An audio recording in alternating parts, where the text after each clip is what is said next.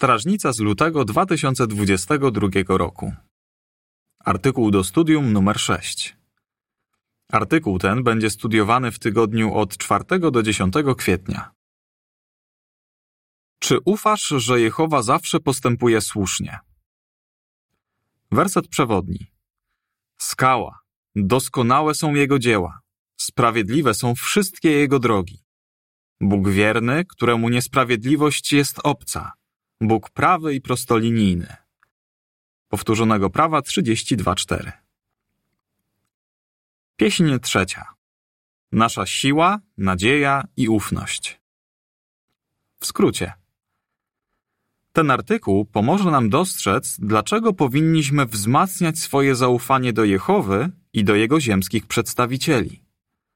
Pomoże nam też zrozumieć, jakie korzyści przyniesie nam to dzisiaj i jak przygotuje nas na wyzwania, przed którymi staniemy w przyszłości. Akapity pierwszy i drugi. Pytanie A. Dlaczego wielu ludziom trudno jest ufać osobom sprawującym władzę?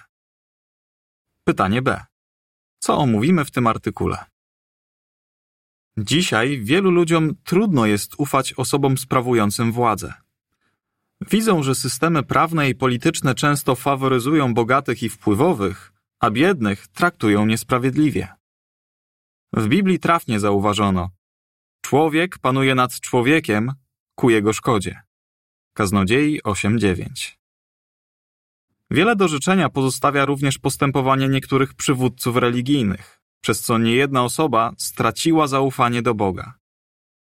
Kiedy więc zaczynamy studiować z kimś Biblię, musimy pomóc mu rozwinąć zaufanie do Jehowy i do jego ziemskich przedstawicieli. Oczywiście nie tylko zainteresowani muszą uczyć się ufać Jehowie i jego organizacji. My też nigdy nie możemy stracić z oczu faktu, że on zawsze postępuje słusznie. Nawet jeśli służymy mu już od wielu lat, niektóre sytuacje mogą wystawić nasze zaufanie na próbę. W tym artykule omówimy trzy takie sytuacje. Pierwsza, kiedy czytamy jakąś relację biblijną. Druga, kiedy otrzymujemy wskazówki od organizacji Jehowy. Oraz trzecia, kiedy w przyszłości staniemy przed różnymi wyzwaniami. Ufaj Jehowie, kiedy czytasz Biblię. Akapit trzeci. Pytanie. Dlaczego niektóre relacje biblijne mogą być próbą naszego zaufania do Jehowy? Czytając Słowo Boże, możemy się zastanawiać, dlaczego Jehowa potraktował niektóre osoby w określony sposób i dlaczego podjął takie, a nie inne decyzje.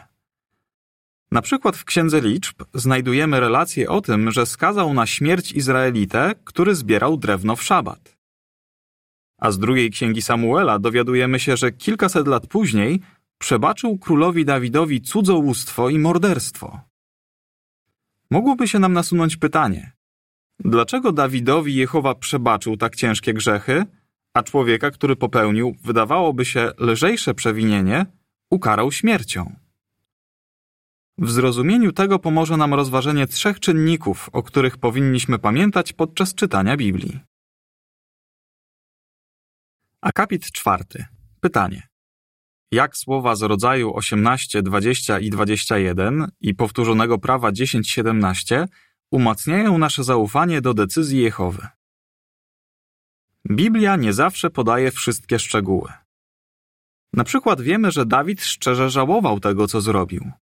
A co wiemy o człowieku, który złamał prawo dotyczące szabatu? Czy okazał skruchę za swój czyn? Czy nie łamał praw Jehowy już w przeszłości? Czy nie ignorował udzielanych mu ostrzeżeń? Biblia tego nie mówi. Ale jednego możemy być pewni. Jehowie niesprawiedliwość jest obca. Powtórzonego prawa 32.4. On zna wszystkie fakty. Na decyzje, które podejmuje, nie mają wpływu pogłoski, uprzedzenia, ani nic innego, co wypacza ludzką ocenę sytuacji. W Księdze Rodzaju 18, 20 i 21 czytamy Następnie Jehowa rzekł Krzyk skargi na Sodomę i Gomorę jest naprawdę głośny, a ich grzech bardzo ciężki.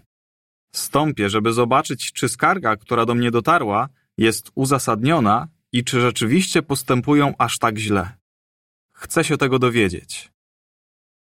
A w Księdze Powtórzonego Prawa 10.17 czytamy Jehowa wasz Bóg to Bóg bogów i Pan panów, Bóg wielki, potężny, wzbudzający lęk i podziw, Bóg, który nikogo nie traktuje stronniczo, ani nie przyjmuje łapówki.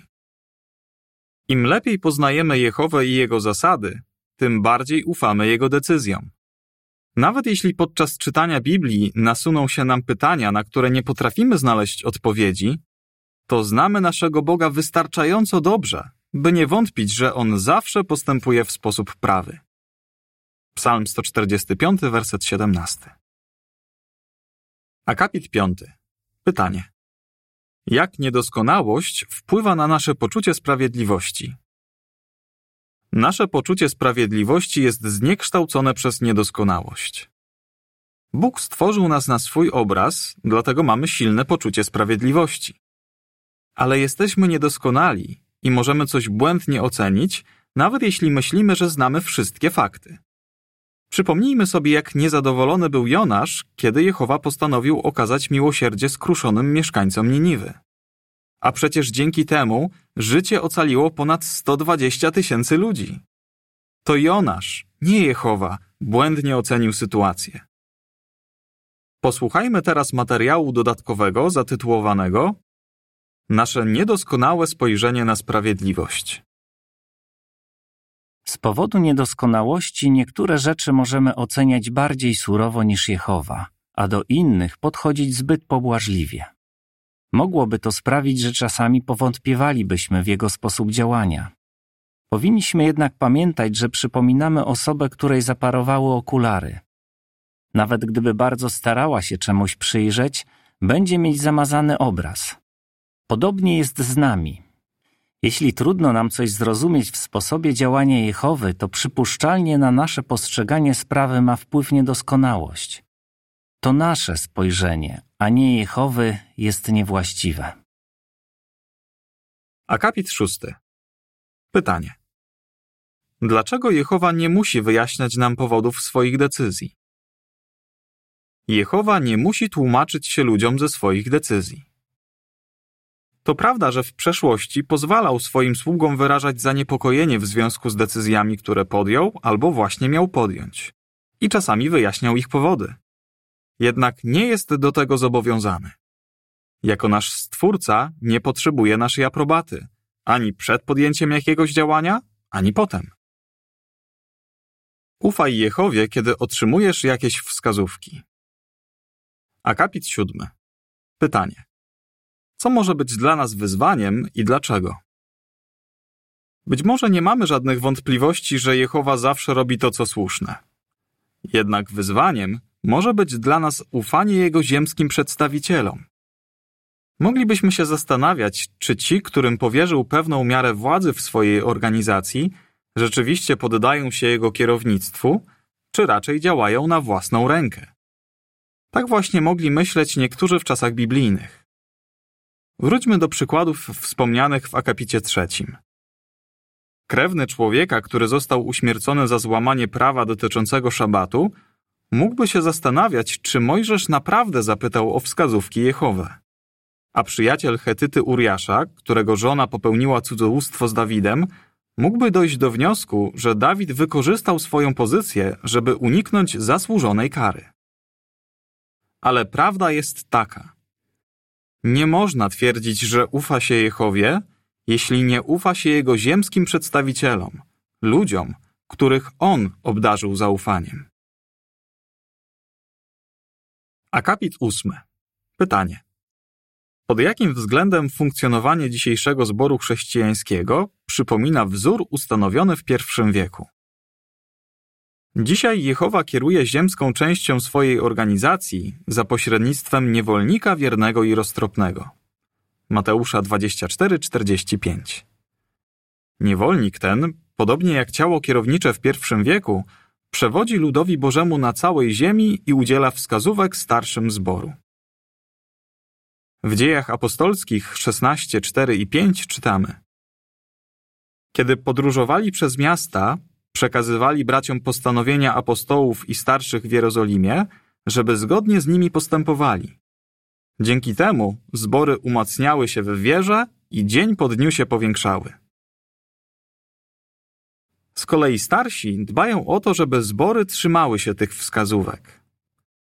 Gdy jesteśmy posłuszni temu, co nam przekazują niewolnik i starsi, dajemy dowód zaufania do sposobu działania Jehowy. Akapit 9. Pytanie. Kiedy może nam być trudno popierać decyzje starszych i dlaczego? Czasami popieranie decyzji starszych nie jest łatwe.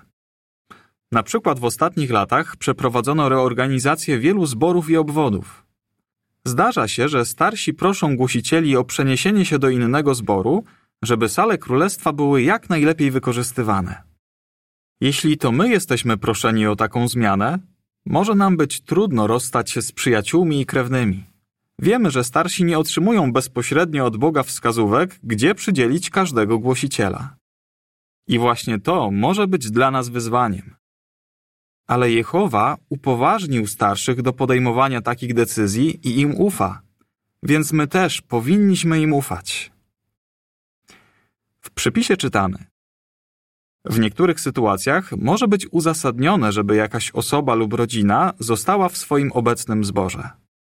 Zobacz skrzynkę pytań w naszej służbie królestwa z listopada 2002 roku.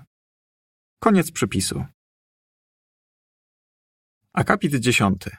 Pytanie. Dlaczego w myśl Hebrajczyków 13:17 powinniśmy współpracować ze starszymi?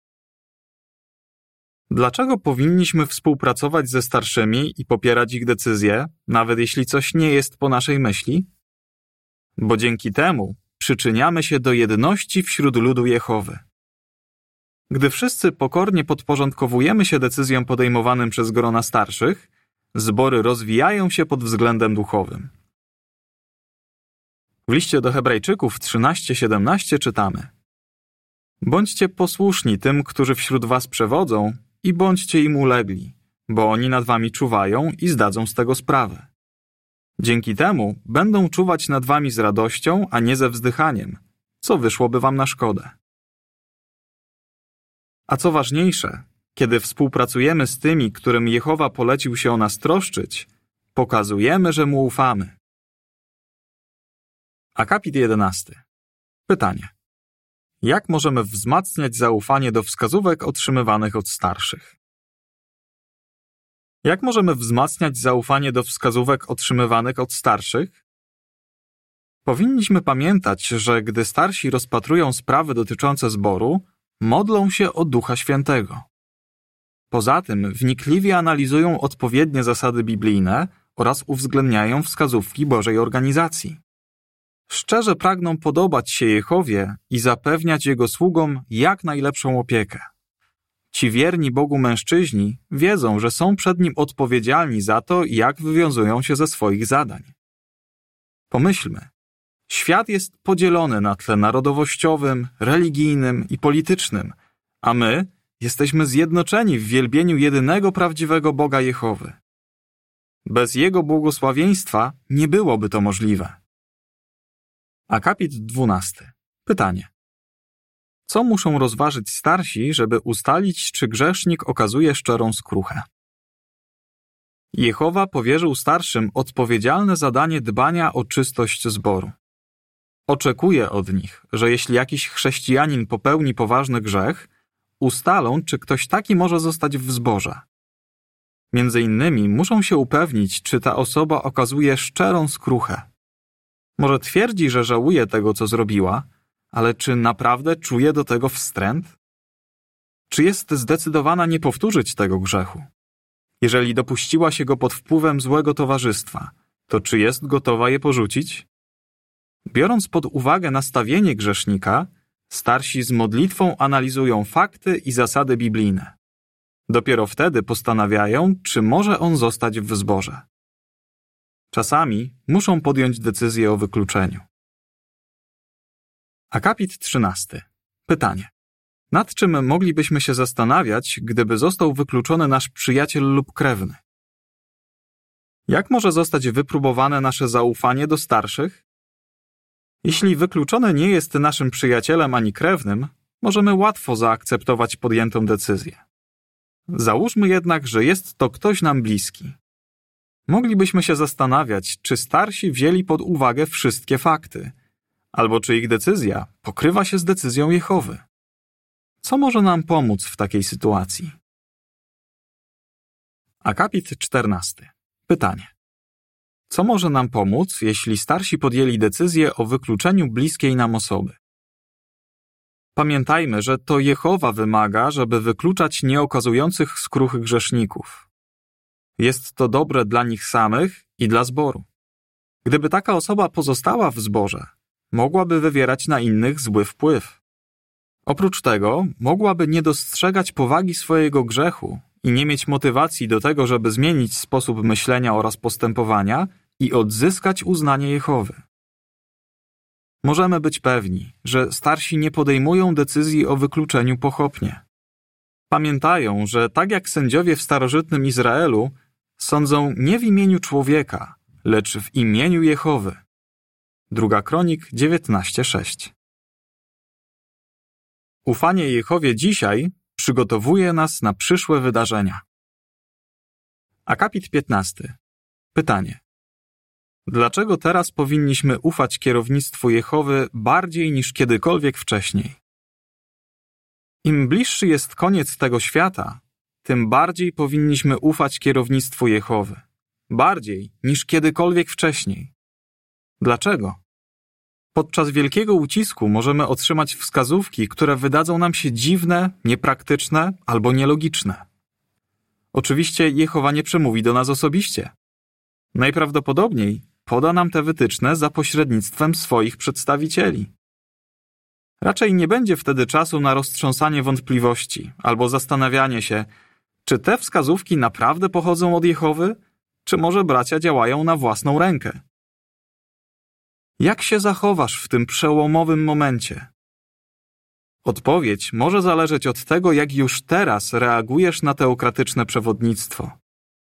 Jeżeli z zaufaniem mu się podporządkowujesz, przypuszczalnie to samo zrobisz podczas wielkiego ucisku. Podpis do ilustracji do akapitu 15. Co pomoże nam z zaufaniem zastosować się do wskazówek, jakie otrzymamy podczas wielkiego ucisku? Akapit 16. Pytanie. Jak nasze zaufanie do Jehowy może zostać wypróbowane w najbliższej przyszłości? Jest jeszcze jedna sprawa, którą powinniśmy wziąć pod uwagę. Jak zareagujemy, kiedy Jehowa będzie wykonywał wyrok na tym złym świecie? Teraz mamy nadzieję, że jeszcze wiele osób, które na razie mu nie służą, w tym nasi krewni, zacznie to robić. Ale w Armagedonie Jehowa za pośrednictwem Jezusa ostatecznie osądzi każdego człowieka. Nie my będziemy decydować, komu okaże miłosierdzie, a komu nie. Czy zaufamy wtedy Jego osądowi? A może to, co postanowi, stanie się dla nas powodem do potknięcia? Widać więc, że musimy umacniać swoje zaufanie do Jehowy już teraz, żeby bezgranicznie mu ufać w przyszłości. Akapit 17. Pytanie. Jakie korzyści odniesiemy z tego, że Jehowa wykona wyrok na tym złym świecie? Wyobraźmy sobie, jak będzie wyglądało nasze życie, kiedy Jehowa wykona wyrok na tym złym świecie. Nie będzie już fałszywych religii, zachłannego systemu ekonomicznego, ani rządów, które na przestrzeni wieków przysporzyły ludziom niewyobrażalnych cierpień. Nie będziemy doświadczać problemów ze zdrowiem, starości, ani śmierci naszych bliskich, tego, co dziś jest wpisane w nasze życie. Szatan i demony na tysiąc lat zostaną pozbawieni możliwości działania, a skutki ich buntu zostaną odwrócone. Będziemy wtedy bardzo szczęśliwi, że zaufaliśmy Jehowie, który zawsze postępuje słusznie. Akapit 18. Pytanie. Czego uczymy się z przeżyć Izraelitów, które opisano w liczb 11 od 4 do 6 i 21 5? Czy życie w nowym świecie będzie się wiązało z jakimiś wyzwaniami, które wystawią na próbę nasze zaufanie do Jehowy? Pomyślmy, co się wydarzyło krótko po tym, jak Izraelici zostali wyzwoleni z niewoli w Egipcie. Część z nich zaczęła tęsknić za jedzeniem, które tam jedli i narzekać na mannę, którą zapewniał im Jehowa. W Księdze Liczb 11 od 4 do 6 czytamy. Potem ludzi z różnych narodów, będących wśród Izraelitów, ogarnęło samolubne pragnienie, któremu dawali wyraz. Również Izraelici znów zaczęli płakać i mówić: Kto nam da do jedzenia mięsa? W Egipcie za darmo jedliśmy ryby, mieliśmy ogórki, arbuzy, pory, cebulę i czosnek. Tak bardzo za tym tęsknimy. Jesteśmy coraz słabsi. Nie widzimy nic oprócz tej manny. A w rozdziale 21, wersecie 5 czytamy: Zaczęli narzekać na Boga i Mojżesza i mówić: Po co wyprowadziliście nas z Egiptu? Żebyśmy umarli na tym pustkowiu? Nie ma tu chleba ani wody, a to nędzne jedzenie nam obrzydło. Czy moglibyśmy zareagować podobnie po zakończeniu wielkiego ucisku? Nie wiemy, ile wysiłku będzie wymagało oczyszczenie ziemi i przekształcenie jej w raj. Prawdopodobnie na początku będzie do wykonania mnóstwo pracy i życie nie będzie takie łatwe. Czy ośmielimy się wtedy narzekać na to, co zapewni nam Jehowa? Jedno jest pewne. Im bardziej teraz cenimy to, co od Niego otrzymujemy, tym większe jest prawdopodobieństwo, że będziemy to cenić w przyszłości.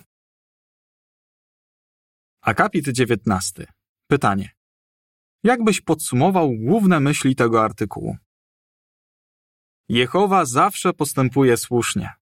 Musimy być o tym przekonani. Musimy też ufać osobom, za pośrednictwem których zapewnia nam przewodnictwo. Nigdy nie zapominajmy, co Jehowa powiedział przez proroka Izajasza. Zachowujcie spokój i okazujcie zaufanie. To będzie waszą siłą. Izajasza 30:15 Co może nam pomóc, jeśli nasze zaufanie do Jehowy zostanie wystawione na próbę podczas czytania Biblii, w związku z otrzymanymi wskazówkami, w wielkim ucisku i po nim? Pieśń 98. Pismo Święte, natchnione przez Boga. Koniec artykułu.